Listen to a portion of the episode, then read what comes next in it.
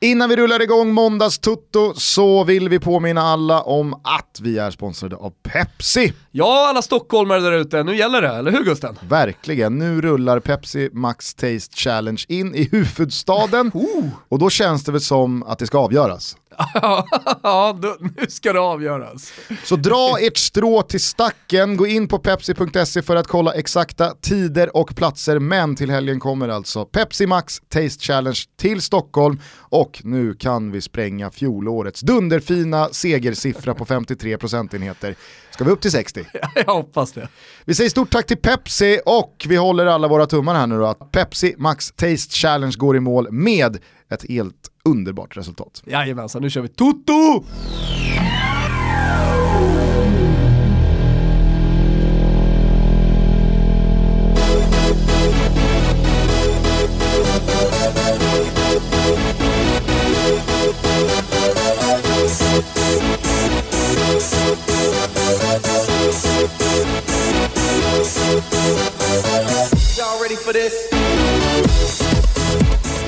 Hjärtligt välkomna ska ni vara till Toto Balutto. Det är måndag den 12 augusti och Thomas Wilbacher ska alldeles strax sätta sin telefon på ljudlös. Jajamensan, nu är det ljudlöst. Om två dagar fyller du 40 år.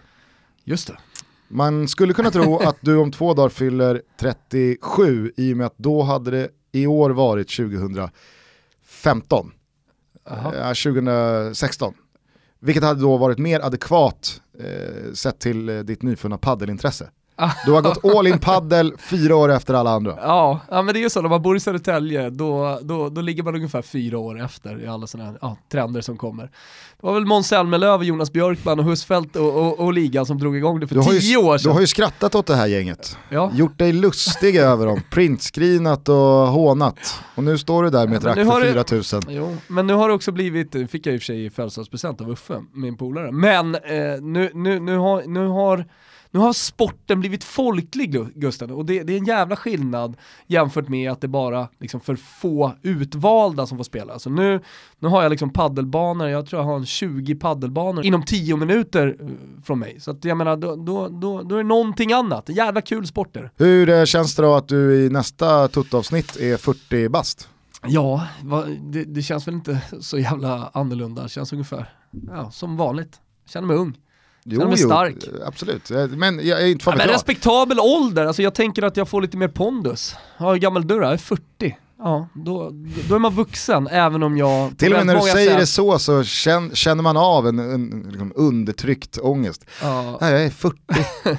ja, men jag vet inte, men, men eh, ja, jag, jag, gillar, jag gillar att åldras på något sätt. Jag ska försöka åldras med värdighet. Eh, Det har jag inte gjort de senaste åren kanske riktigt, men, men jag ska försöka och, och få ordning på saker och ting. Du är ju blir 79. ordning. Mm. Eh, och nu rullar ju den internationella säsongen igång igen. Premier League, Frankrike är redan igång, Holland och så vidare. Till helgen kommer Spanien och sen så rullar det på också med Italien och Tyskland och så vidare. Men eh, jag vet inte eh, om du har fler på volley, men det är väl bara Buffon som fortfarande håller fortet från 70-talet. Eh, från 70-talet? Alltså av de, Ja. av de stora, det är klart att det finns någon 79 i något pissgäng Jo, jo, någonstans där det ute. är klart att det finns det. Men jag vet inte, jag Nej tänker att du som Moto, 79 Gerard, alltså så här, om vi bara ska nämna några 79 så, så, Gerard. Ja, han är 79. Nej men så här, det, det, det är ju, alltså bara för att eh, liksom få, få en känsla av när la de här 79 av. Ja. Alltså min, min årgång. Eh, Så det, det är ju ett tag sedan liksom man, man såg eh, Motos och, och, och Gerard springa omkring på planerna va? Ja, i alla fall eh, i den här kontexten. Gerard körde väl någon deppig vända i, i Mm. Galaxy var det va? Ja, exakt. Där inte, det känns inte som att det gick så bra för Nej, honom. det gick väl inte så jättebra och han var väl inte, kanske inte den spelartypen heller som så här åkte dit och briljerade. Det är annorlunda med målskytt till exempel. Jag menar Zlatan är 88, han, han blir också snart 40 men, men eh, i och med att han spelar på topp och gör ma- en massa mål så tänker man på honom på ett annat sätt kanske än en Steven Gerrard som gnuggar mittfält. Så. Wayne Rooney, vad är han? 82? Han är 85 Är han 80, 82? ja men det känns ju som att han har varit med så jävla länge Men det har I och med ju att han var också. 16 bast när han eh, 2002 i september, oktober där. Everton. Exakt, mot Arsenal 2002. Eh, Nära på att komma tillbaka lät det som eh, redan redan för några dagar sedan väl? Till Det är klart. Premier League. Ja det är klart Nej, inte ja. Premier League, han är klar för Derby. För Derby, så Han har signat ett och ett halvt år med Derby så att han ska spela klart eh, säsongen i USA och i januari ansluter han till Derby där Philippe Coquy Mm. har tagit över tränarrollen eh, efter Frank Lampard. Mhm. Så att eh, vad jag har förstått så ska eh, Wayne Rooney bli någon slags spelande assisterande, spelande hjälptränare för att han vill satsa på tränarkarriären och då tänker han perfekt att då kan jag vara i England, spela på en hyfsat hög, alltså Championship i Championship, herregud. Ja, Eh, Derby kanske går upp och sen så spelar han Premier League igen 2021, vem vet. Men jag vet inte, jag, jag blev väldigt förvånad. Jag trodde liksom, vi satt ju i Toto för typ två och ett halvt år sedan, när Wayne Rooney hade, kommer du ihåg det? Han hade blivit Uniteds meste målskytt genom tiderna och jag identifierade det som liksom, det här är det sista som betyder någonting för Wayne Rooney. Han såg ju helt proppmätt ut efter det, för då fanns det liksom inget längre att kämpa för. Nej, han, det har- fanns inget att sträva mot. Och... han har sex ligatitlar, han har vunnit FA-cupen ett par gånger, han har vunnit Champions League, han Mm. har eh, över 100 landskamper, han är bäst- målskytt i landslaget Exakt, och så vidare och så vidare. Jag var helt säker på att nu när han är 30 plus så kommer han alltså checka ut. Ja. Man ville inte att han skulle gå till Kina, men det var framförallt konstigt när det började, alltså han gick ju till Everton. Ja. Det var ju det Ja, det- märkligaste att liksom så här, ja. han kör på i Everton. Mm. Och därifrån så går han till USA. Mm. Och nu ska han alltså tillbaka ner i källaren och köra Derby. Äh, det är... Ja, det, det, den är märklig men... ja. Jag trodde han skulle lägga av som 31-åring Jo, och gå till puben. jo. Men eh, Ja, puben får vänta då. fel fick jag. Men ska, ska folk hjälpa oss då? då? Finns det några 70-talister som Ja. fortfarande gör skillnad ute i de stora ligorna i Europa? Förutom då Gigi Buffon som trummar på tillbaka i Juventus. Ja, du, var inte på matchen Atletico de Madrid mot Juventus på Friends Arena va? Nej. Nej, jag satt där i alla fall precis över Juventus bänk med fullständigt galna eh, 15-åringar som knackade på båset och ropade namn hela tiden. Konstig fotbollsupplevelse alltså. Normalt sett när man går på Friends Arena så är det ju ja, AIK som spelar eller landslaget och ja, då, då kanske sjungs lite sånger och sånt där. Men det här var ju en, en helt annan karaktär på publiken. Här var det bara idoldyrkan, det var bara häftigt att se de här stora spelarna. Eh, och då var liksom grejen som jag märkte, det, det var liksom inte bara på min sektion där jag satt, utan runt om hela arenan, det var ju att ropa namn. Så till exempel när Ronaldo ramlade in i reklamskyltarna, ja men då, då liksom ställdes en hel sektion upp märkte man och, och så här, ja, ropade hans namn och så. Eh, men, och, och det var ju så här, mycket Ronaldo eh, och stort fokus och största jublet. Förutom då när Gigi Buffon byttes in för Chesney i den andra halvleken. Alltså det, det, det, var ändå, det, var ändå, det var den enda fina stunden under den matchen. Ja, fotbollsmässigt så var det ju många fina stunder, men jag tänker rent eh, upplevelsemässigt på, från läktarna var ju liksom när, när Buffon kom in. Och jag tänkte, tänker också, eller jag tänkte där, att fan fint på något sätt, eftersom han har så dåligt minne av Sverige, eftersom vi slog ut dem och jag menar det, det har han sagt att det var ju hans värsta ögonblick i karriären. Liksom, att eh, vara med Italien och spela bort dem från ett, va- vara en i gänget som, som inte går till VM. Eh, så jag menar så, alltså, så jävla dålig erfarenhet från Sverige och, och jag menar han har ju varit med länge, Italien har haft dåligt flow mot, mot just Sverige där, Zlatans klack, då stod ju Gigi i mål också. Nej men, och att han ändå, att, att Sverige ändå fick ge honom lite kärlek, det tyckte jag var skönt. Ja, ja men det förstår jag. Eh, jag tänker att han kanske hade något slags gott öga till Sverige om nu han som typ, ah, kan han ha varit 16-17 då, han han med Brolin i Parma. Alltså Han- över, ja. överlappade de varandra på något sätt innan Tompa stack till tveks- Palace. Det är fan tveksamt alltså. Jag tycker, ja det, det är tveksamt. Kanske han är född på något 77. sätt. Ja. Han var Det här sex- kan vi ju lätt kolla upp, men han det var, tycker vi han inte var göra. 17, 94. kan bara spekulera kring det. 1794, måste jag ha gjort det på något sätt. När gick han då? 95 eller? Jag tror han gick 95 till, Ja. till Leeds. Ja, här, det, det, den, är på håret. På det berömda Gustav. För att det känns som att har man delat omklädningsrum med Thomas Brolin som liksom utlänning i ett annat land, då, eh, då gillar man ju Sverige. Då har man ju en bra bild av Sverige. Man vet ju att Brolin säljer in Sverige som, det, det, det är ett bra ställe. Vi är sponsrade av Stay Hard och Thomas, nu är det bara att stänga ner eh, sommaren och börja blicka mot hösten och alla trevliga plagg man kan slänga på sig. Du får helt enkelt byta ut de där shortsen Gusten mot ett par långbyxor och vem vet, en uh, ny höstjacka, är det inte det man köper i de här tiderna? Man uppdaterar sin eh, garderob och kanske hittar någon kofta, någon skön tröja, men höstjacka, är inte det liksom lite av eh, körsbäret på tårtan så här i höstshoppingen? Kanske det och skorna. Just man byter, ju, man byter ju mackor. Efter ett par månader med kanske lite lättare, det är luftigt, man har lite sandaler, man har lite tofflor, mm. man har lite tygskor-varianter. Så, så nu, nu är det dags att hinka på sig ett par rejäla Och om skor. jag har förstått det hela rätt, då är det Stay Hard man ska gå in på för att uppdatera eh, sin eh, höstgarderob, eller hur? Ja, självklart. Ni vet ju, ni som har varit med i Toto Balutto eh, länge, att Stay Hard erbjuder ju en hel drös med he med helt fantastiska varumärken, över 250 varumärken finns i deras butik stayhard.se. Och dessutom så vill ju Stayhard då hjälpa alla Toto-lyssnare som vill eh, uppdatera sin garderob, nämligen med en rabatt och den får man på den dyraste varan med ordinarie pris. Ja, De har ju ofta rabatter och reor eh, mm. inne på stayhard.se. Men vill man då köpa någonting till ordinarie pris och kanske handla på sig lite fler plagg, mm. då bjuder Stayhard på 25% rabatt. 25? Ja! Oj. på den dyraste varan. Ja, ja. Så koden är TOTO25 Ja, snyggt. och det verkar vara i versaler. Ja, Kanske okay. funkar det med gemener också, men vad, vad, ta, ta för säkerhets skull, ja. kör versaler. Toto25. Ja, det är som man skriker in eh, rabatten. Så får man alltså 25% på dyraste varan som har ordinarie pris och det gäller på precis allting. Skor, höstjackor, koftor, you name it. Vi säger stort tack till Stay Hard för att ni är med och möjliggör Toto Balutto. Vet du vad som annars slog mig under matchen?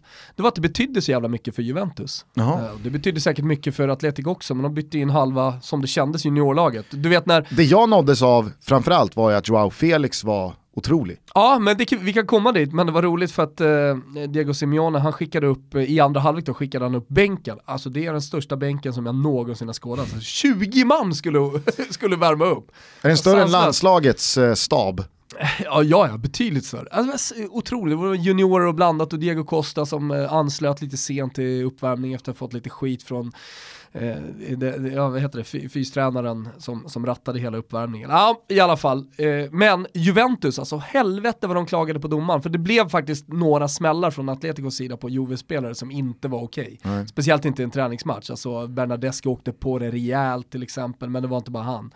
Så när Diego Costa, och när Diego Costa kom in, samtidigt som den här unga turken som kommer till Juventus, har du koll på honom eller? Nej. Eh, jo, Meri Demiral, alltså eh, kom ju direkt från Sassuolo, eh, så jag tror inte att många såg honom förra säsongen och sen eh, innan det då Alanya Spor. Mm. Så, så att, eh, ett namn då som har kommit till Juventus som man kanske inte förväntar sig speciellt mycket av. Hur mycket spelade han i Sassuolo i fjol? Äh, men han gjorde 14 matcher ändå, och ett par baljer dessutom. Så att, Ringer han, det någon klocka namnmässigt i ens huvud eller ska man helt enkelt eh, hålla gylfen uppe?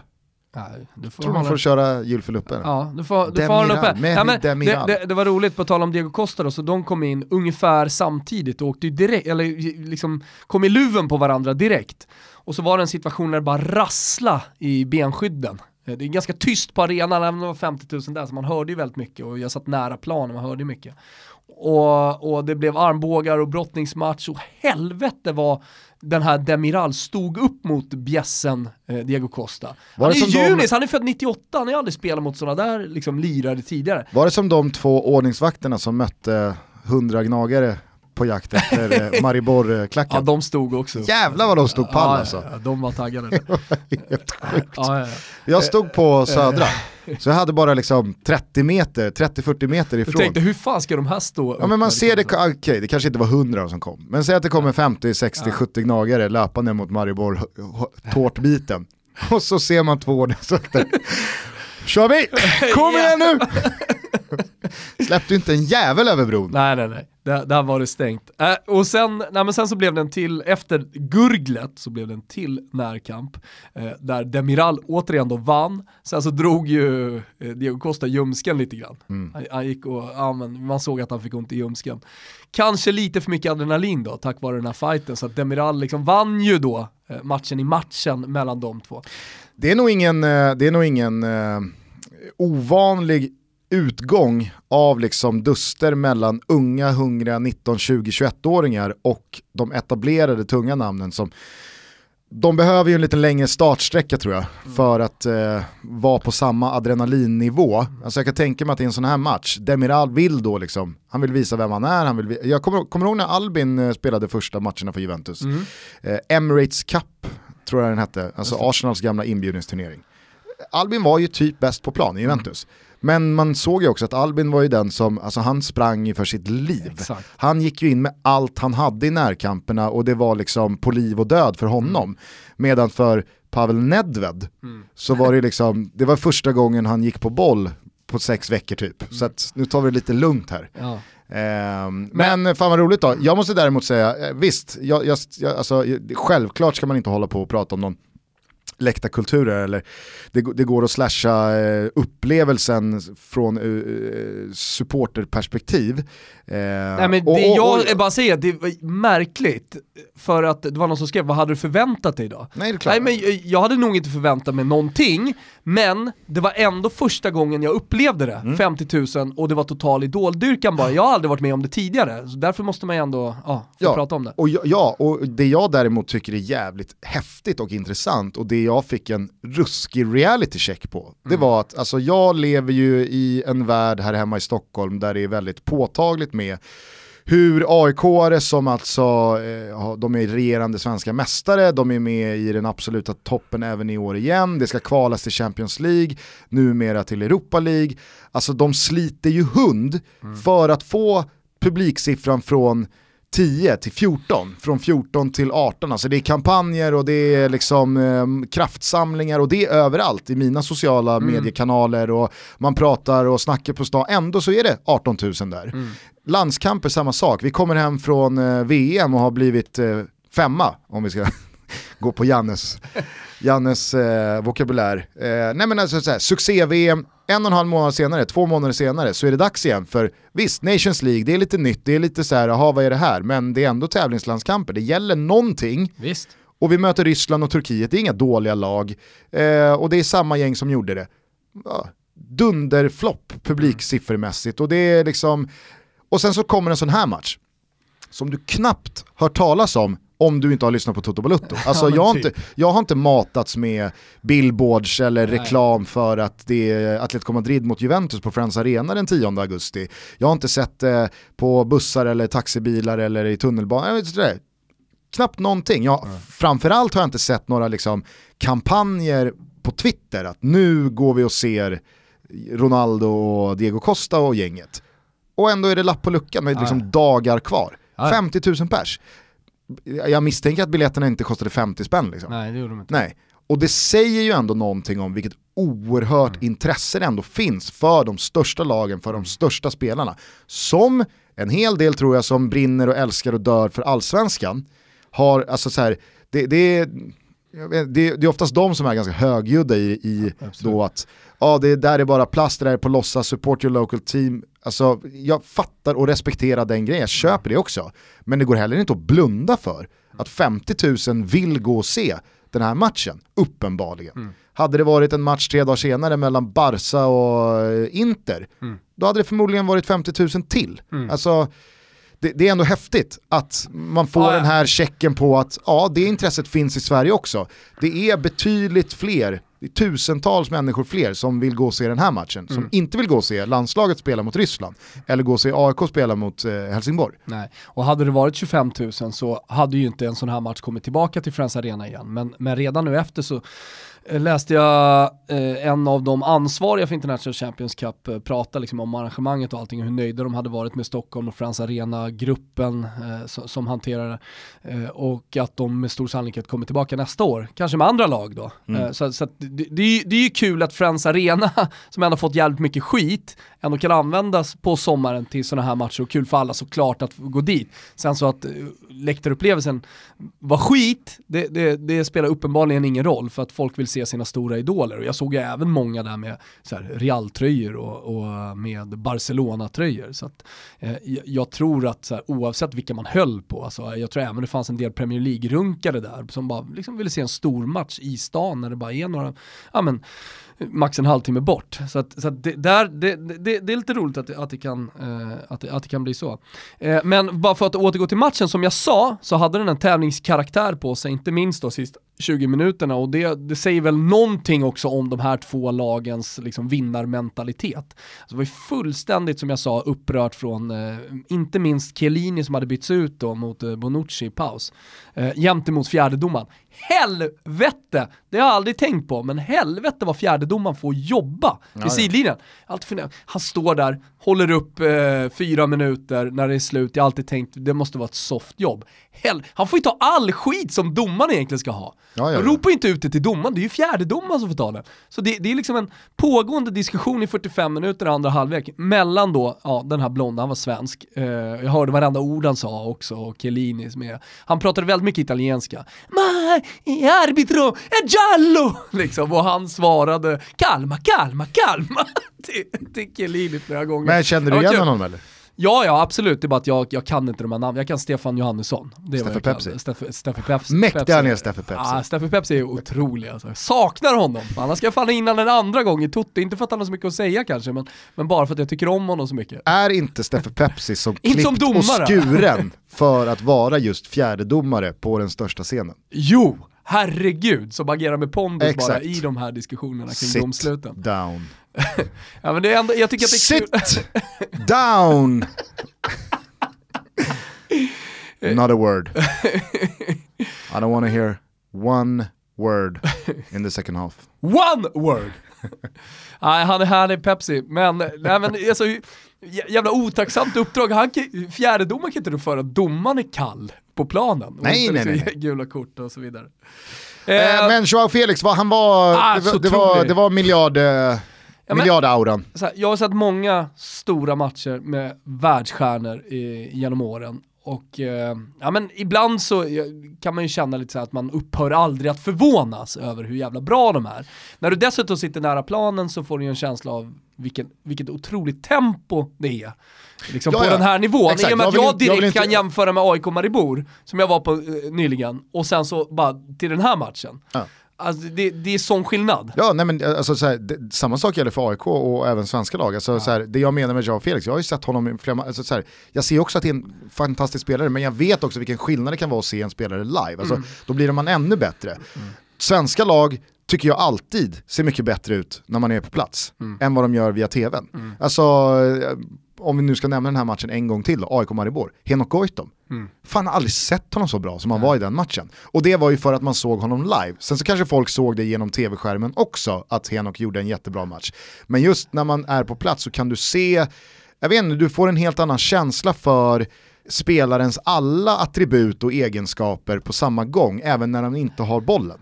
Mm. Och det, det kan man verkligen se live. Liksom. Ja. Det var som när vi var i, i England i eh, våras, jag mm. och Björn Jonsson och Jesper Hoffman. Och man såg City, det var första gången jag såg eh, Raheem Sterling och Kun Agüero äh, Kun Agüero kanske var med i Argentinas match mot Sverige på Friends. Jag kommer inte ihåg, men det var en träningsmatch. Men att se Kun Agüero och Raheem Sterling och Laporte mm. i en sån match, jävlar alltså. Mm. Det blir en dimension till av hur fantastiskt bra ja. spelarna är. Och, och, då, och då kan vi då gå till Jao Felix, alltså vilken jävla spelare. Född 99 ju, ung. Eh, många har inte följt honom i Benfica, han gjorde en fantastisk säsong där. Men eh, det, det är en nivå, då möter han ändå Chiellini och De Ligt. Alltså, alltså, dels snabbheten, dels att jag trodde han var ganska liten, men han är ändå en jag var tvungen att kolla upp det, för jag tyckte han såg stor ut återigen då, om man har förväntningar och kanske någon, någon bild mm. sådär. Eh, men, men stor, kraftfull i löpsteget, han hade i någon så här halv coast to coast eh, som han drog, det, det, är liksom, han bara drar ifrån. Otroligt spänstigt och kraftigt löpsteg och sen så just där i boxen, det, det, det hade jag ingen aning om. Alltså båda målen han gör är ju sån jävla boxklass. Alltså det ena när han liksom kommer framför, drar på ett, bara puff, och det andra när han med då snabbheten liksom, men ändå lyckas ta sig framför Delicht och, och smälla in bollen. Alltså det, hur, det hur... var en av de liksom, eh, ja men en, en, av, en av de mäktigaste så här, första gången jag sett live eh, faktiskt. Hur eh, spelade Simon honom då? Äh, men han, han spelade ju på topp liksom. Mm. Uh, men, men sen ibland så kom han ner och hämtade boll på mittfält och sådär också. Men, men han bytte av Diego Costa eller? Så var det nog ja. Så var det nog. Det var så jävla mycket byten där, så det var ju, ja, ja du vet. Eh, men, men eh, eh, jag ska bara säga det, Delicht såg ju tung ut däremot. Alltså han såg inte ut att vara liksom en spänstig 19-åring, 20-åring som, som liksom eh, han, han, har mycket kvar att jobba med. Samtidigt som Harry Maguire Fick den perfekta starten ja, ja, i United. Ja. Eh, vi kanske ska stänga eh, Juventus Atletico Madrid då och istället damma av Thomas Wilbachers första Helvete. svep den här eh, internationella säsongen. Ja, okay. Hur är formen? Eh, svag. Men nu jävlar drar vi igång säsongen och vi gör det på bästa sätt med tempostarkt måndagssvep. Jag ska försöka i alla fall. Och vi får gå tillbaka hela vägen till fredag för att få med allt eftersom Liverpool tjuvstartade alltihop på Anfield mot nykomlingen Norwich. Planenlig seger såklart, nyckelspelarna som redan såg eh, ut att ha spring i benen, men inte bara. Temo Pukki, den lilla finnen från Kotka, presenterade sig också på den stora scenen. Och av hans insats att döma blir det en säsong full av puckerubriker i de finska tidningarna. Tröstmål och överlag en jävla dunderprestation av honom. Och det var kul mitt i all Liverpool-hysteri, hörru Gusten. Några timmar senare efter lunchpajen i London gjorde City slarvsylta av ett ruskigt håglöst West Ham. Så tyckte jag i alla fall. Visst fanns det inledningsvis lite intentioner från Lanzini bland annat, men sen blev City för tunga och West Ham hängde inte med.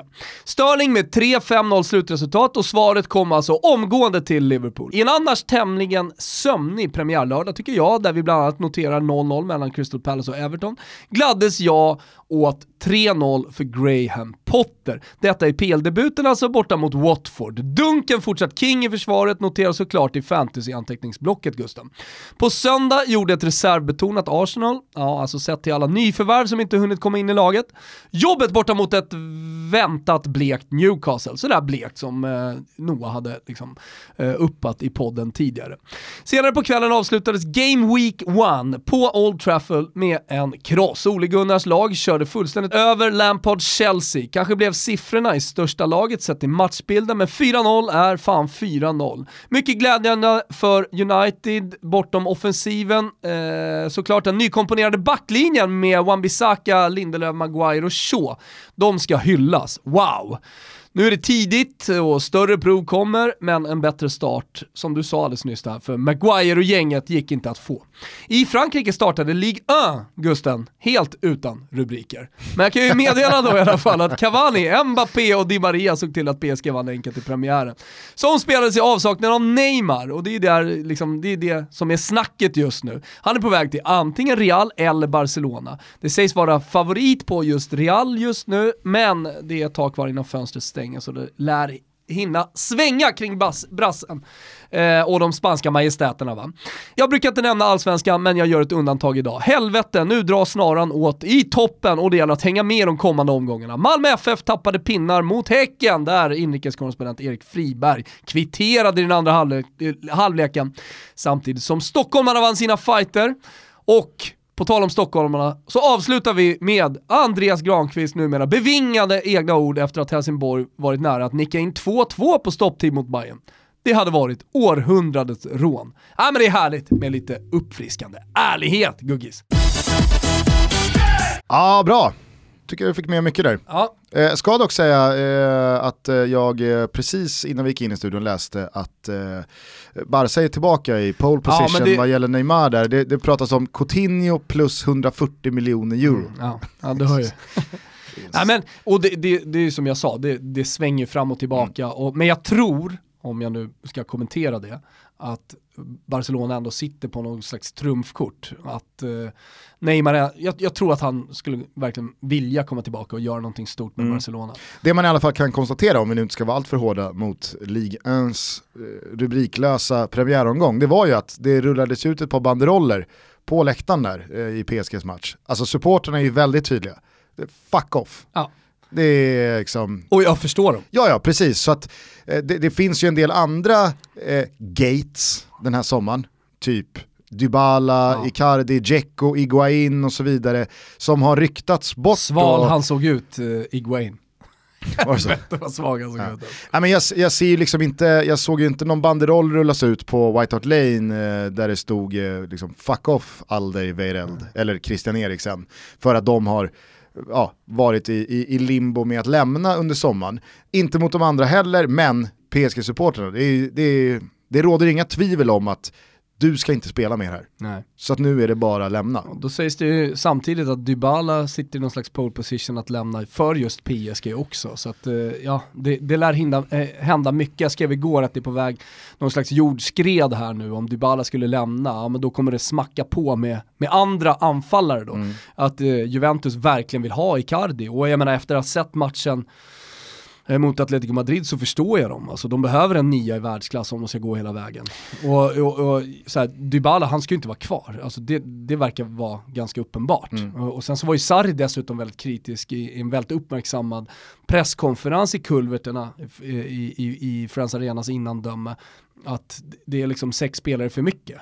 Eh, I och med att man inte har så många egen fostrade talanger som man behöver idag i Champions League så, så måste han ställa över sex stycken riktigt vassa spelare. Mm. Jag ska säga det också att eh, De Chilio eh, did strike again med sitt namn. Spiken på. Friends Arena.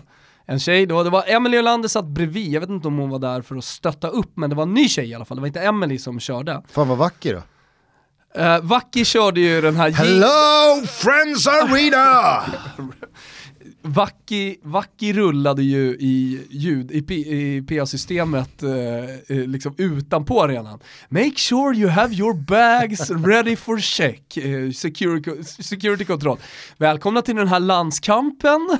Också, det är samma som rullar på landskampen, de hade inte gjort någon ny. För Vacki var ju för dyr för Ja, att liksom ta in i speakerbåset 25 bara för en match. 25 kex på faktura bara för att ha en International Champions inte, det räcker inte. Cup eh. Sexsiffrigt alltså, sexsiffrigt. Så att det, nej, vi rullar på landslags eh, liksom, snurran igen.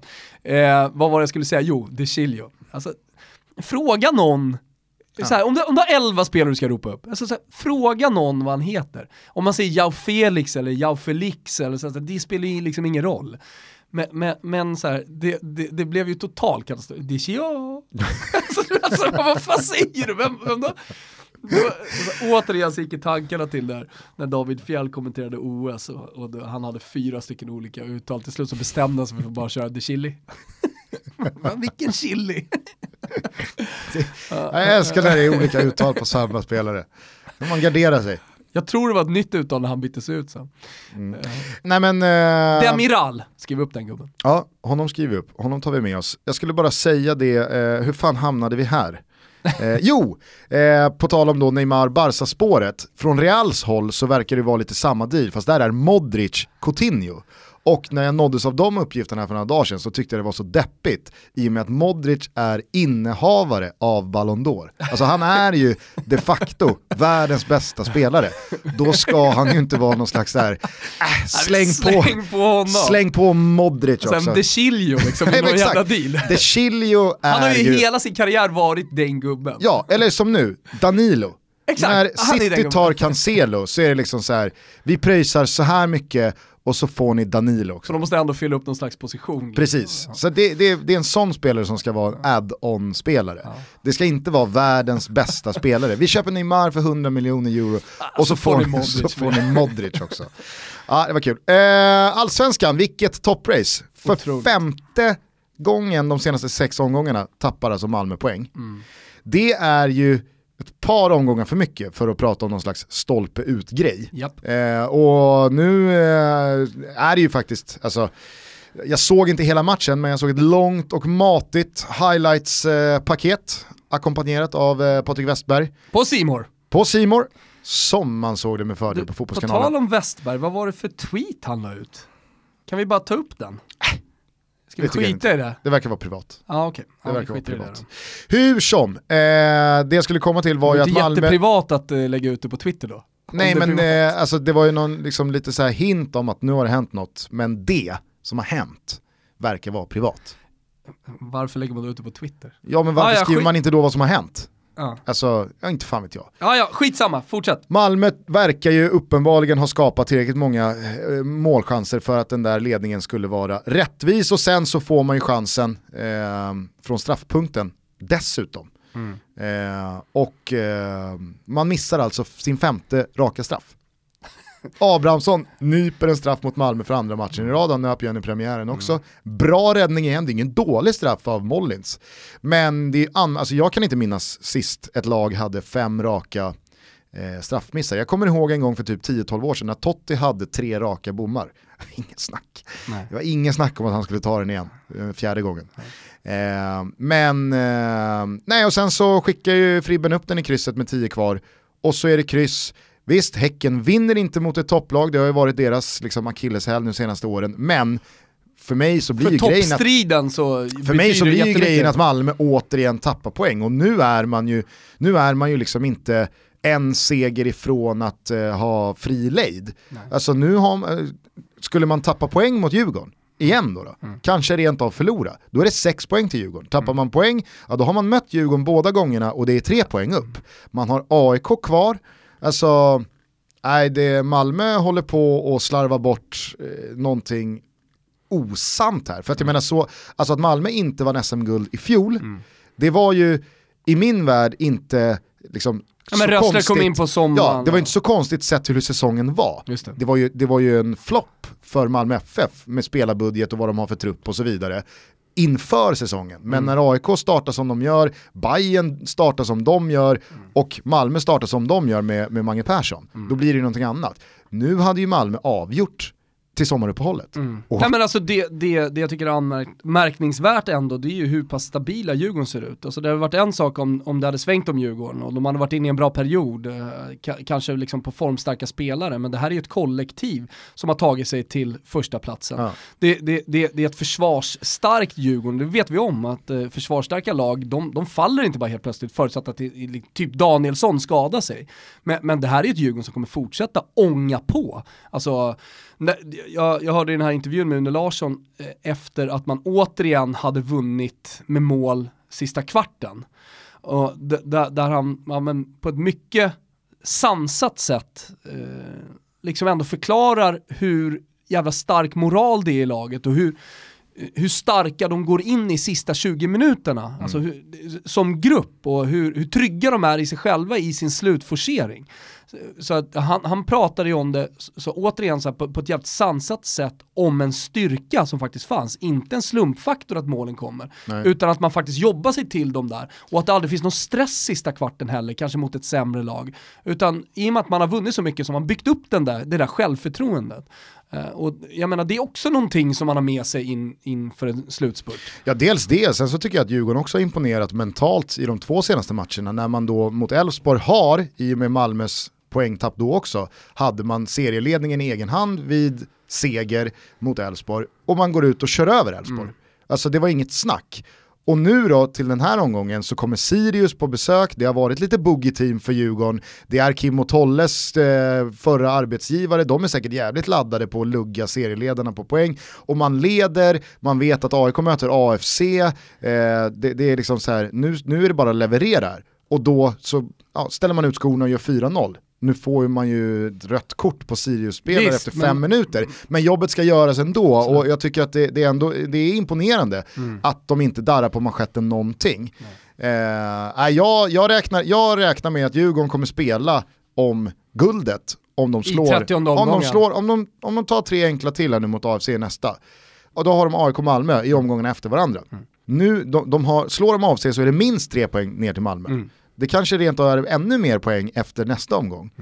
Då har de ju råd att torska och ändå Mm. Ja, ja, vara med alltså, så i mixen där. Liksom. I, I spekulationerna kring de kommande omgångarna så ser det bra ut för Djurgården. Verkligen, verkligen. Dessutom då Curtis Edwards på plats direkt, Ah. målskytt. Erik Berg snart tillbaka, vad jag förstår. Alltså, ja, ska eh, göra någon tv-serie nu med, med frugan? ja, men det, det, så han kan hålla två bollar i luften. Han kan det. Det är inga problem. Nej, det är faktiskt sant. Nej, det blir en ruggig allsvensk eh, höst här att eh, sätta tänderna i, även i botten också. Fan, jag tyckte lite synd om eh, GIF Sundsvall, mm, Ja. som åker på en filmning, får straff emot sig. Ah, Ja, det, det, de där har man inte riktigt råd med. Jag ska bara fråga träffade dig. ju Tommy Naurin då några dagar innan eh, den här matchen Ja. i förra veckan. Han är ju oerhört sympatisk och likeable.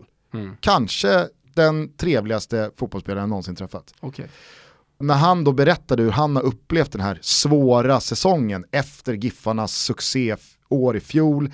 Ferran lämnar, det blir succé i Blåvitt, Ja. då blir liksom Joel Cedergren så jävla underminerad.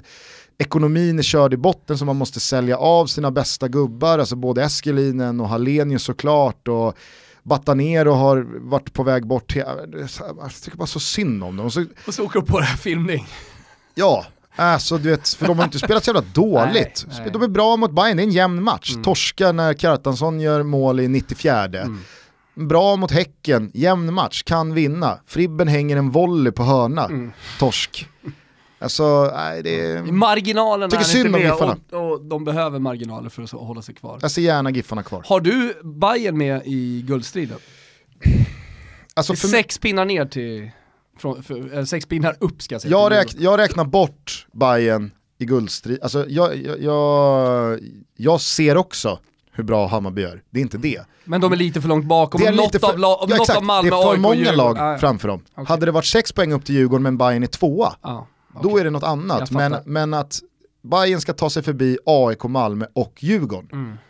Det ja, då ska allt eh, Exakt. falla på plats. Mm. Eh, så att, visst, det är väl idiotiskt att säga att de inte är med i guldstriden, men jag, ja, men jag tror absolut inte Hammarby vinner guld. Nej, och sen så AIK har ju uppenbarligen lyckats rotera sig igenom det här ganska tuffa, den här ganska tuffa sommaren rent eh, spelschemamässigt. Eh, och nu har man fått in eh, Nabbe. Oh, alltså, wow, på tal om alltså. att Curtis Edwards eh, har kommit in i Djurgården så har AIK fått in en spelare som man bara tänker när man ser honom göra, gör två igår, Mm. Och, det är många som snackar om den här höger insidan han knorrar i bortre. Mm. För mig är ju, alltså, för mig är ju målet han bara köttar in. Mm. Det är ju målet som signalerar att här är en hungrig snubbe mm. som är tillbaka och vill sätta ett avtryck. Det, ja, men... det är ju Steffe Pepsi som kommer där. ja. Undan!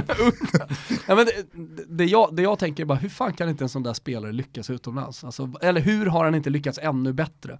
Men det förklaras väl säkerligen med större konkurrens, kanske tuffare klimat. Eh, han har ofta hamnat i klubbar, när det ändå har varit något som i Hamburg till exempel så kom han ju med en tränare som ville ha honom som sedan sparkades och så kom en ny tränare där han inte hade något förtroende. Så mm. det, det, är klart att det är klart det finns sådana förklaringar också i, i, i klubbarna men eh, ja, och, vad jag inte... förstod, eller som han sa själv, jag gjorde Studio AIK med honom så hade han ändå en okej okay vår, han gjorde en okej okay avslutning i Holland. Ja, sen så ska jag inte säga att jag har eh, haft stenkoll på eh, Nabbes utlandssessioner.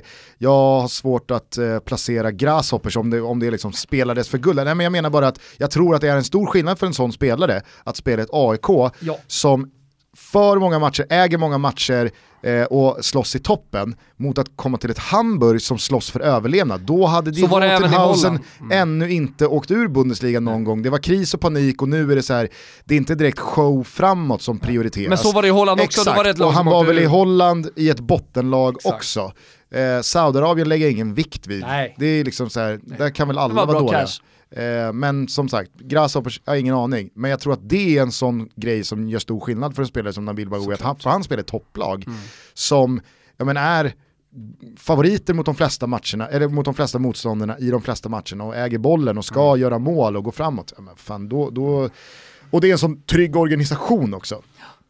Då, han kan nog verkligen blomstra. Men du, på tal då om nyförvärv, det har ju hänt mycket, mycket, men i de stora lagen, alltså nu med eh, inte minst då IFK Göteborg, som värvar från eh, Östersund, mm. och de värvar tillbaka till Biasana, blev ju ja, mycket väntat, eh, stora balder, eh, men där supporterna till slut enas och, och välkomnar honom tillbaka. Han gjorde 8 plus 8 förra säsongen har jag lärt mig också i, i superligan i Danmark, mm. så att det är en spelare som kommer och verkar vara i bra slag. Direkt så gick de ner och körde träningen, både, både Sana och Aiesh. Aiesh, ja precis. Eh, och Aiesh verkar ju inte ha trivts jättebra uppe i Östersund och ändå varit bra, så att, eh, där kan man ju tänka sig att Göteborg verkligen får ut mycket sportsligt direkt också. Så att, så att nu, nu har vi ju, om man nu kollar på de klassiska storlagen, publiklagen i allsvenskan, eh, en jävligt intressant höst. Mm. Ja, ja, verkligen. Så Göteborg kommer inte vika ner sig mot några.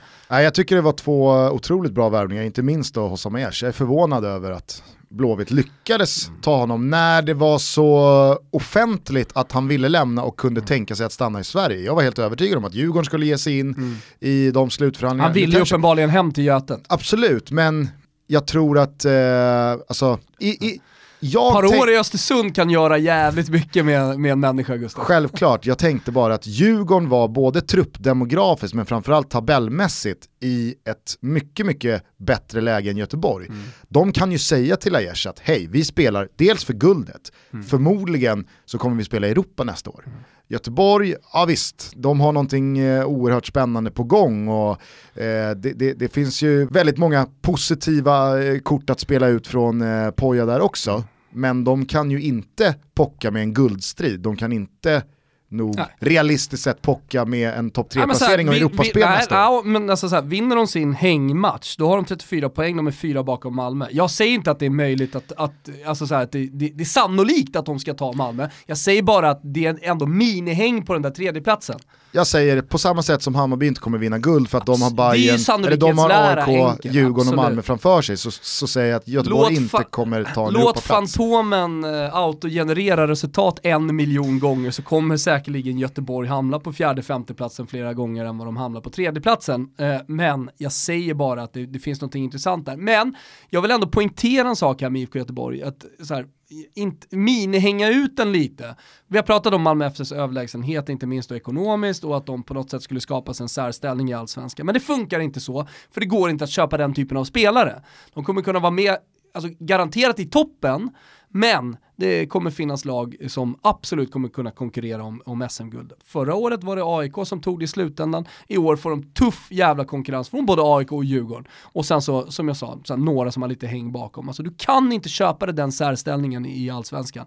Och på samma sätt då IFK Göteborg som är en storklubb, de kommer alltid tillbaka för de är för stora för att ligga där nere i botten för länge. Mm. Så, så förväntat ändå, måste jag säga, att IFK Göteborg kommer tillbaka tidigare än, än vad många hade trott. Alltså, hur många hade de inte i en bottenstrid inför den här säsongen?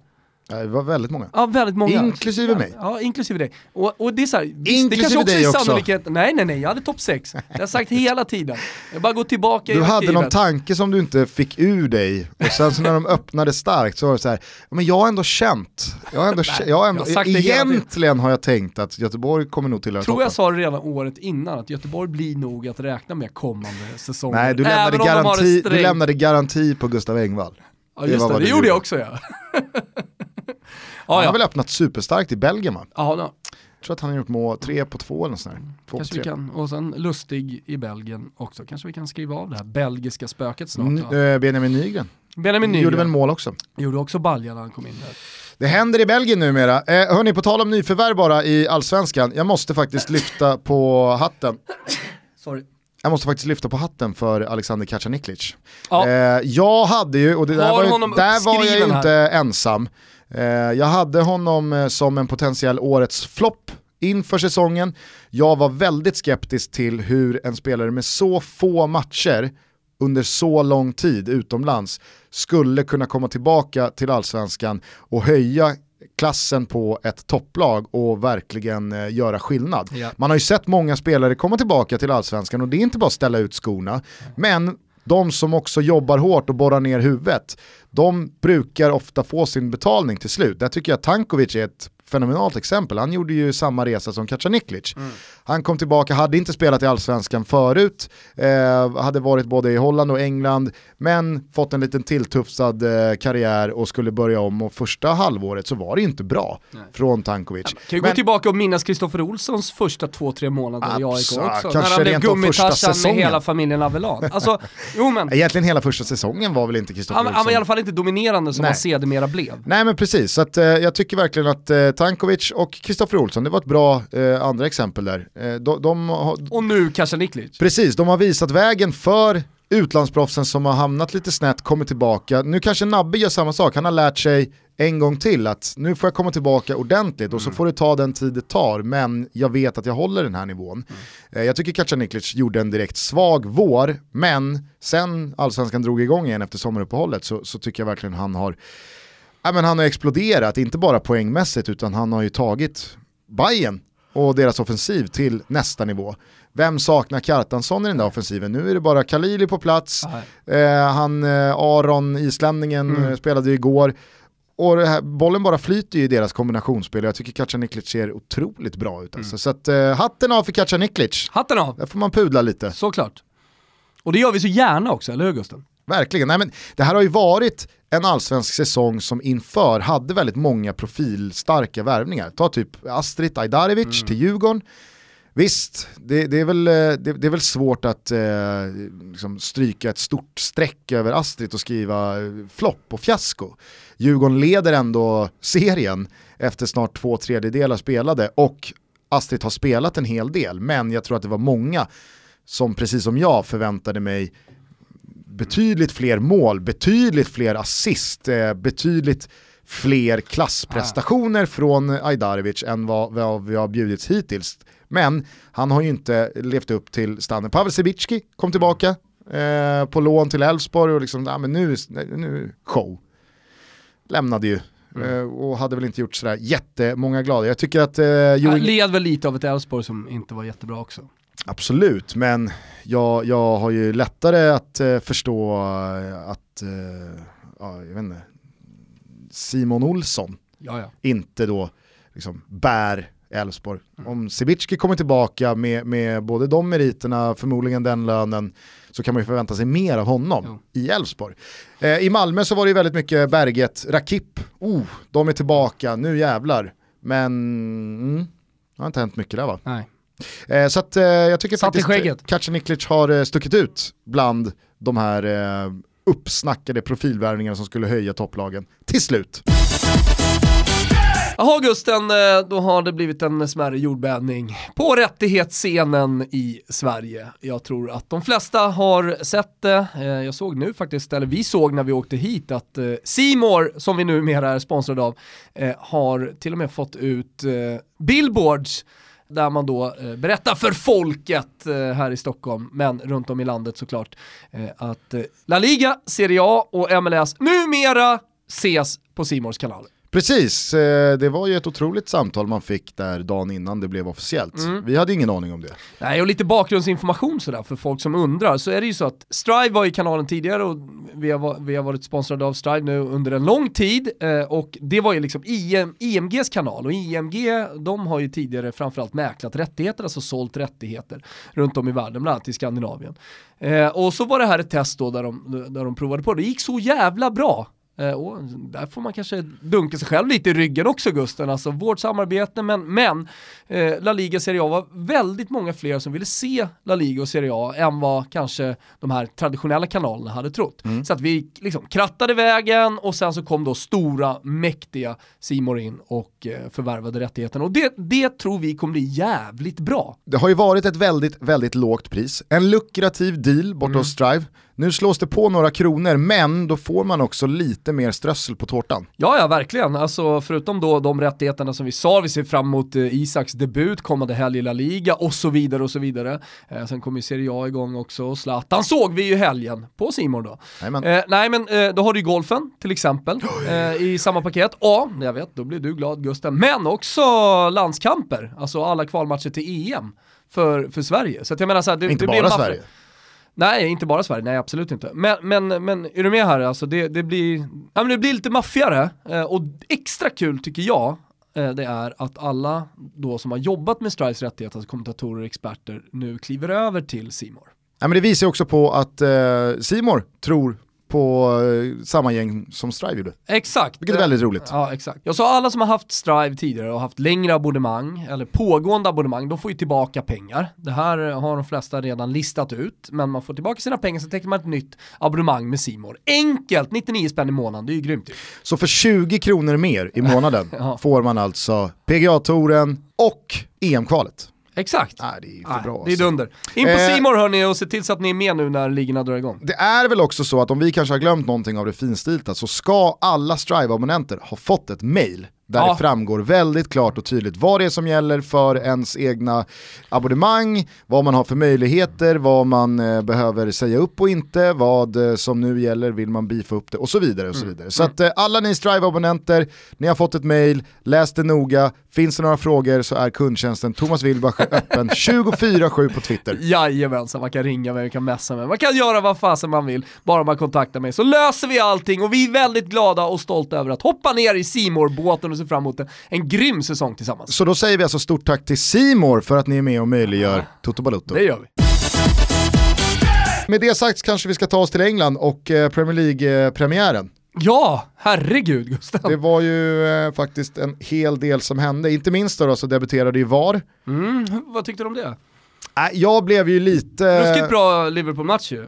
Ja, jag såg inte Liverpool-matchen, men okej. jag hörde att eh, VAR fungerade klockrent. Jo men det var inte det här goalcheck efter varenda jävla balja, och, alltså det flöt på bra. Ja. Även de gångerna man såg att de lyssnade av så, så liksom det tog inte tid och de har ju uppenbarligen då gått igenom det här inför säsongen. Liksom Mm. att, eh, ja, det, det, det, det är ju det som är nedsnackat, det är ju det som har varit dåligt också.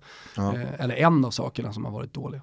Nej men eh, värre var det ju eh, i London då, då under lördagen när det var West Ham Manchester City. För där tyckte jag att eh, det inte alls blev så som Premier League hade sagt att VAR skulle minsann utnyttjas i, i England. Eh, dels så är det några offside-avvinkningar och där går det inte att snacka, det är ju det VAR ska göra.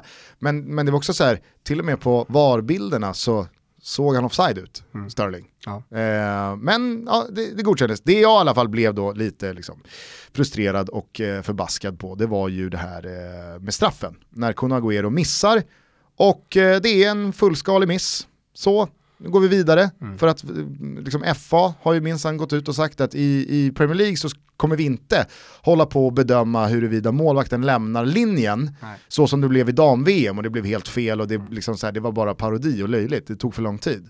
Eh, men så går Däremot så vill de kolla så Exakt. inte spelarna är, inne i straffområdet, det- vilket liksom är samma grej. Exakt, det är det jag Fast en menar. Det är ju exakt samma grej. Om man nu slår sig för bröstet och säger att det ska vi minsann lämna åt det mänskliga ögat. Vi har en linjeman som står på linjen, vi har en huvuddomare som är i straffområdet. Det kommer inte VAR gå in och kolla för att dit vill vi inte vandra. Och sen så går man in och ändrar en straff. Men eh, vi är säkra på att det är VAR som går in och ändrar, det är inte domaren, Nej, det är nej. domaren som tar Nej, den. nej, utan nej, det, det är. Rice va, som kommer in lite för tidigt. Ja, det är väl två spelare, men alltså så här, sådär Hur långt in var de då?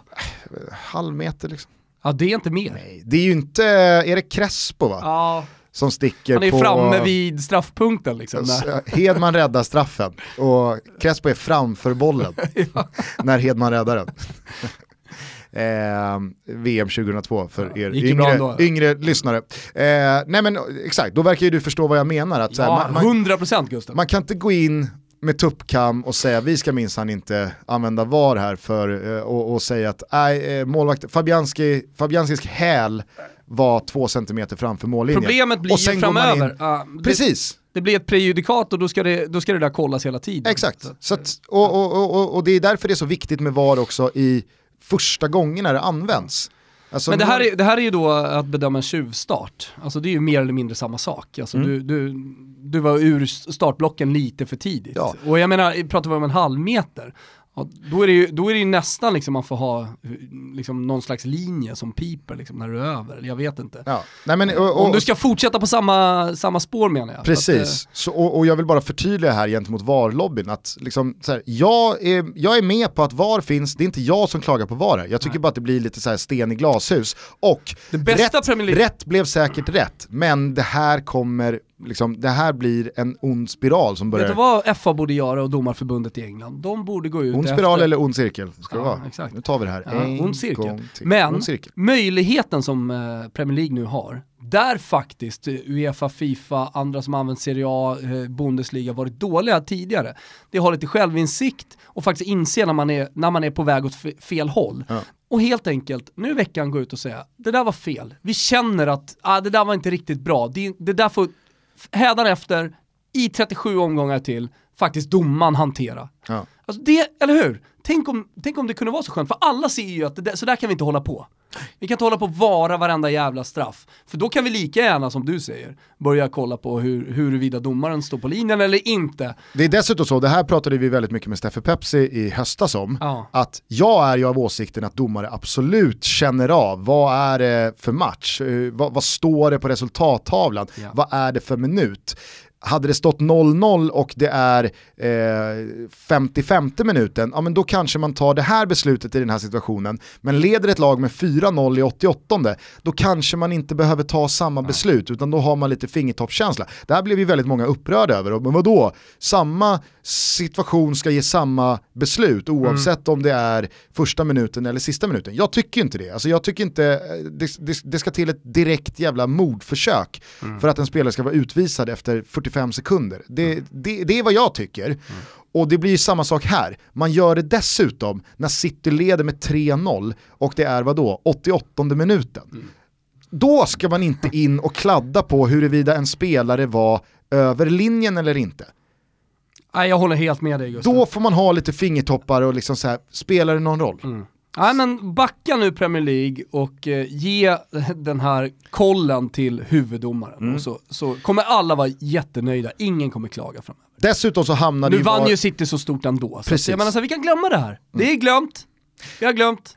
Dessutom så hamnade ju VAR snett i matchen mellan Leicester och Wolverhampton. Jag vet inte om du såg Den Donkers eh, mål som då, då var jag blev... lite på dojan va? Ah, ja, du hade lite Jag hade överrasknings... lite överraskningsfest med familjen igår. Ah, okay. Ja men det köper jag. Den visades ju dessutom inte eh, i sin helhet. Nej, ja, ja, precis. Eh, men jag såg i alla fall målen och, eh, eller målen, det blev ju 0-0. Eh, jag såg det bortdömda målet från Den Donker som han gör och vid första anblick, vid andra anblick med blotta ögat så går det inte att se att, liksom, vad, vad, vad som är felet på det där. Men då har ju då VAR hittat eh, i den nickduell som föranleder att bollen studsar ner och den Donker bara nyper in den.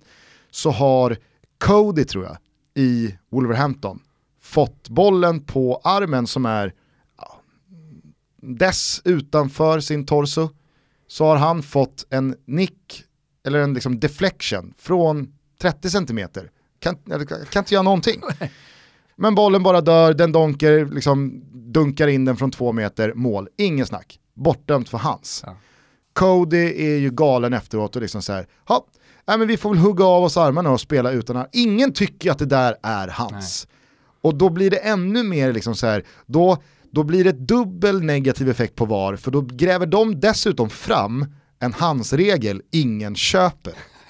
så, så det blir liksom, VAR gör ju inte fel här, för att om VAR följer regelboken och det där är hans, så har ju VAR gjort ett bra jobb. Mm. Men VAR blir liksom, de fäller kroppen på sig själva för att de är de enda som kan hitta en idiotisk tolkning Exakt. av hans regeln.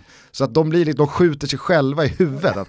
Helvete, det är ju Inte hans. i foten, men, i huvudet. men ingen tycker att det här är hans. Men vi måste nog säga att det här är hans ändå. Så ja. att, äh, det var en tuff start ja, för okay. äh, VAR. Dock inte lika tuff Eh, som Jag tyckte den var okej okay, och sen så missar de till exempel det här, men det, det, blir ju det blir så avgörande i och med att det blir en 0-0 match. I City då, då spelar det kanske inte speciellt stor roll, som jag sa, det kan vi glömma och gå vidare. Nej, men vi sitter ändå här och pratar om det. Jo, jo, jag vet, men det är ju för att man måste gå vidare på ett bättre sätt, det är ju därför. Men om man bara kollar på rent sportsligt i, från den här första omgången så var det ju väldigt lite som inte gick enligt förväntan. Alltså det som jag tycker sticker ut det är ju Chelseas prestation som är fullständigt katastrof eh, mot eh, Manchester United. Alltså katastrof, äh, ah, Okej, okay, det sa jag i svepet också. Nej, prestationen är inte katastrof, men jag, jag det saknas de rasar, nyckelspelare. Exakt, att de rasar ihop ja. så fullständigt, det är ju anmärkningsvärt. Det saknas ledare, det saknas spelare som gör skillnad för att vinna de tuffa matcherna. Mm. Och jag tror också för att vinna vissa matcher mot de här mittenlagen, typ Leicester, typ eh, Everton, alltså det vi pratade om med Hoffman, alltså Wolverhampton är där. Alltså, jag, jag, vet inte, jag ser inte vem det är som ska göra skillnad riktigt i det här Chelsea-laget. Vet du vem som hade gjort skillnad? Hazard. David Luiz. Ja, kanske. Ja, ja alltså, nu, nu kommer säkert många sätta kaffet i halsen här, men jag tycker att Arsenals värvning av David Luiz, det är sommarens bästa köp hittills. Okej, okay. wow. Ja. Alltså för 8 miljoner pund, ta Chelseas, som du, alltså så här, det är en ledare. Mm. Det är den mittbacken i Chelsea som nog har startat flest matcher de två senaste säsongerna. Han bidrar offensivt, han är en publikfavorit och att Arsenal kan nypa honom för så lite pengar och på samma sätt På deadline också. Och på samma sätt försvaga en direktkonkurrent om Champions League-platserna utan att de kan göra någonting inåt i och med att de är liksom förlagda med transferförbud. Mm.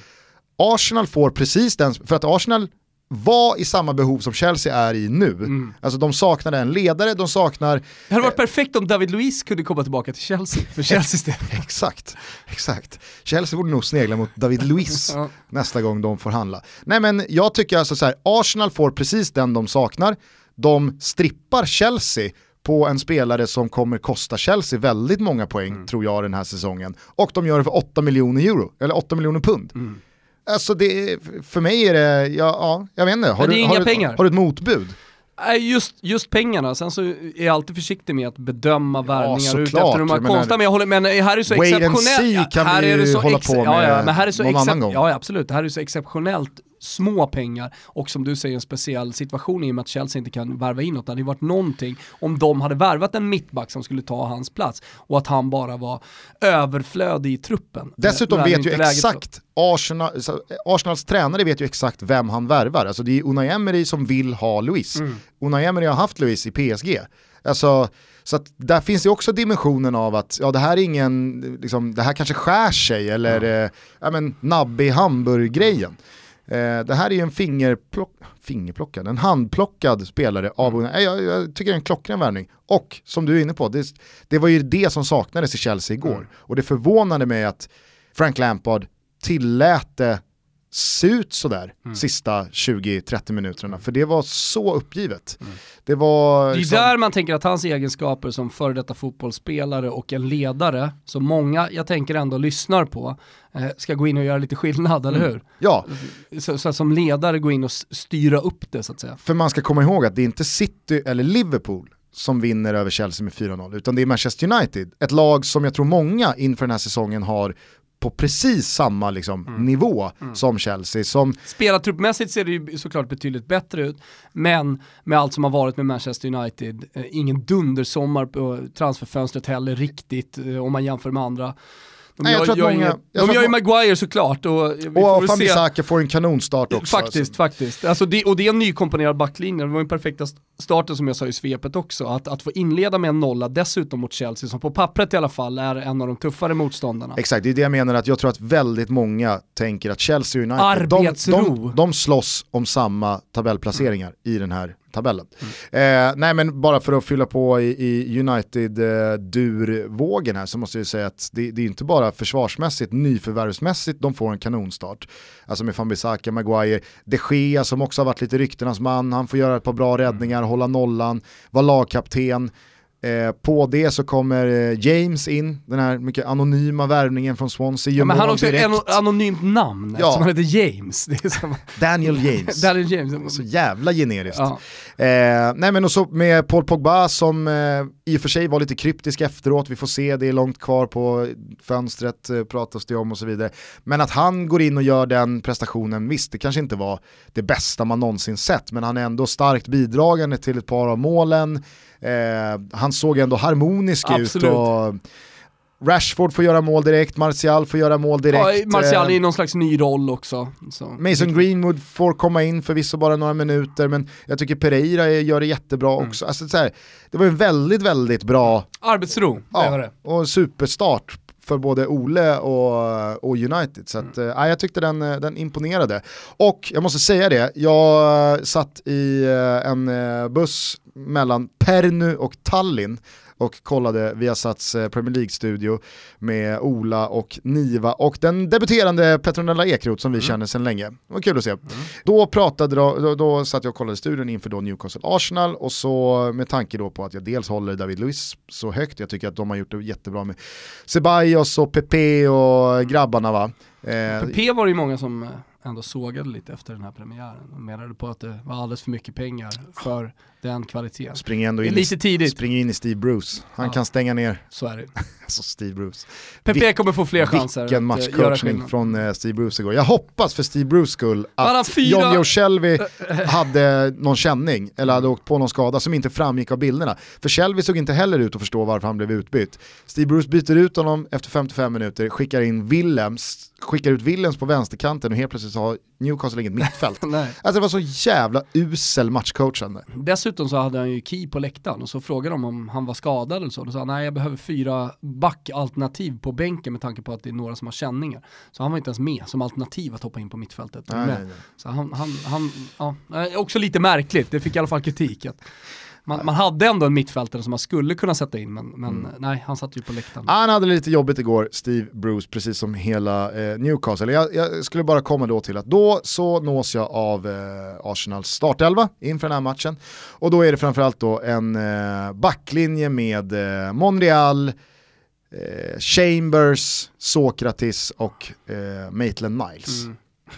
Det är inte en bra backlinje. Nej, Alltså, jag, jag kan också gilla Maitland Niles eh, frejdigheten när han kommer längs kanten. Va? Han är härlig. ja. Monreal han har pikat, Sokratis håller jag inte alls så högt som många andra gör. Sokratis har ju sett bra ut för att han har spelat bredvid fucking Mustafi. Alltså, då blir ju mittbacken bredvid dubbelt så bra. Mm. Chambers, Nej. det, det, Men det kommer inte se ut han, så här i nej jag starten vet, att Arsenal exakt. Och det var ju därför jag skrev som jag gjorde. För att framför där så finns Granit Xhaka, Mm. som jag, jag, jag tycker att det är, jag tycker att det är, jag sa, vi sa ju det i, i avsnittet med Hoffman här förra Mm. veckan. Xhaka med lagkaptensbindeln i Arsenal, det är mörkt alltså. Mm. Då står inte saker och ting rätt till. Jag är inte heller såld på Guendouzi, Nej. eh, och sen så både Willock och, och Reece Nelson startar, eh, Lacazette är på bänken, eh, Mkhitaryan är ju väldigt många, alltså han har ju också Så att. Lacazette ändå är på bänken i en sån här match, liksom, allt har ju sett så jävla bra ut med Aubameyang. Eller hur? Mm, ja, Så jävla märkligt Absolut, ju. ja, fast han, han åkte väl på någon smäll där, eh, så att det har varit lite så här. Ah, ja, okej, okej. Visst. Och jag menar, det finns säkert tusen anledningar till att startelvan ser Ja. ut så här och jag tycker att det är jättemodigt av Unai Emery att skicka ut både Willock och Nelson i, i eh, premiären. Eh, och det kanske finns någon sjukdom eller någon känning eller vad det nu är. Newcastle är motståndet, Arsenal åker dit och vinner med 1-0. Det, det sprudlade inte om Gunners, men de tar tre poäng och gör det jättebra. Det är ingenting det jag menar, men när jag bara ser det laget, då skriver jag liksom så här. Arsenal lyckas med bedriften att göra sommarens bästa transferfönster, men ställa upp premiäromgångens sämsta elva. Alltså, Lite jargong och man garvar. det är en äh. tweet. Alltså det är exakt. så man twittrar. Ja. Jag twittrade liksom också ut att Steve Bruce gjorde det sämsta bytet som någonsin gjorts Ja. i det här bytet Shelby mot Wilms. Nej, det är väl inte det sämsta bytet som gjorts, men man tar i. Ja. Man, alltså så här, men då får ju Arsenal-supporterna, de får ju spelet. Alltså så jävla otrevlig ton på Twitter. Alltså. Jag, jag, fan, jag tappade suget att twittra igår. Alltså.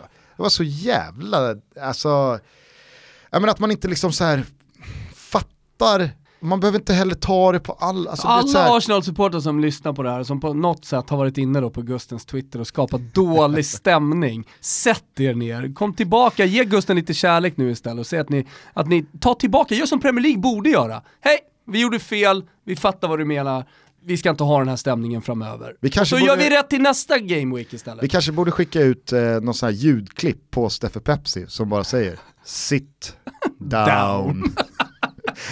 Sit down! ja, nej men så, bara så att alla Arsenal-supportrar förstår, jag förstår också varför eh, många spelare satt på bänken. Arsenal kommer få ett jättebra lag, slagkraftigt, namnstarkt, kvalitetsmässigt. Jag är helt övertygad om det. Jag tror att, herregud, vi satt och hyllade Arsenal, du och jag Ja, är de som Visst. utmanare om tredjeplatsen. Ja, ja. Eh, det, det, var liksom, det var en tweet. Ja. Det var en tweet. Vi får höja nivån, annars blir det, bara, det blir tråkig stämning på Twitter. Eh, nu tycker jag att eh, du och jag ska börja runda av. Mm. Eh, vi kan väl påminna om att eh, La Liga alltså drar igång till helgen. Vi kommer köra lite eh, fokus med Pinitoro va? Mm. Och som vi sa tidigare här i eh, avsnittet när vi pratade om Simor så alla som har haft Strive då de får ju för 99 kronor så passa på att liksom teckna Simor nu. Yes. Då kommer vi dessutom givetvis sätta ihop lite rublar borta Mm. hos Betsson, även till La Liga. Självklart. och Pinotoro- så kommer Pinotoro komma med sin... Han kommer med en Ah. långtidstrippel, du kanske ska fnula på någon rolig specialare, det. Barca Real. Oh, ja men det, det, Någon den är fin. där. Den är fin, den är Ja. fin. Mm. Eh, så att eh, håll ögonen och eh, öronen öppna, det kommer hända mycket roliga grejer borta hos eh, våra vänner på Betsson även till helgen. Fan så nära det var att Lanzini fick spräcka målnollan direkt. Superräddning av Ederson. alltså. straff också va? De har ju VAR, så att uppenbarligen inte. Inte. Uppenbarligen inte. Kanske på norrporten hade det Så. blivit ett straff. Om det hade varit Giffarna och Naurin inblandad. Eh, hörni, Sit down! Så hörs vi med Pinitoro senare i veckan. Ciao tutti! Ciao tutti!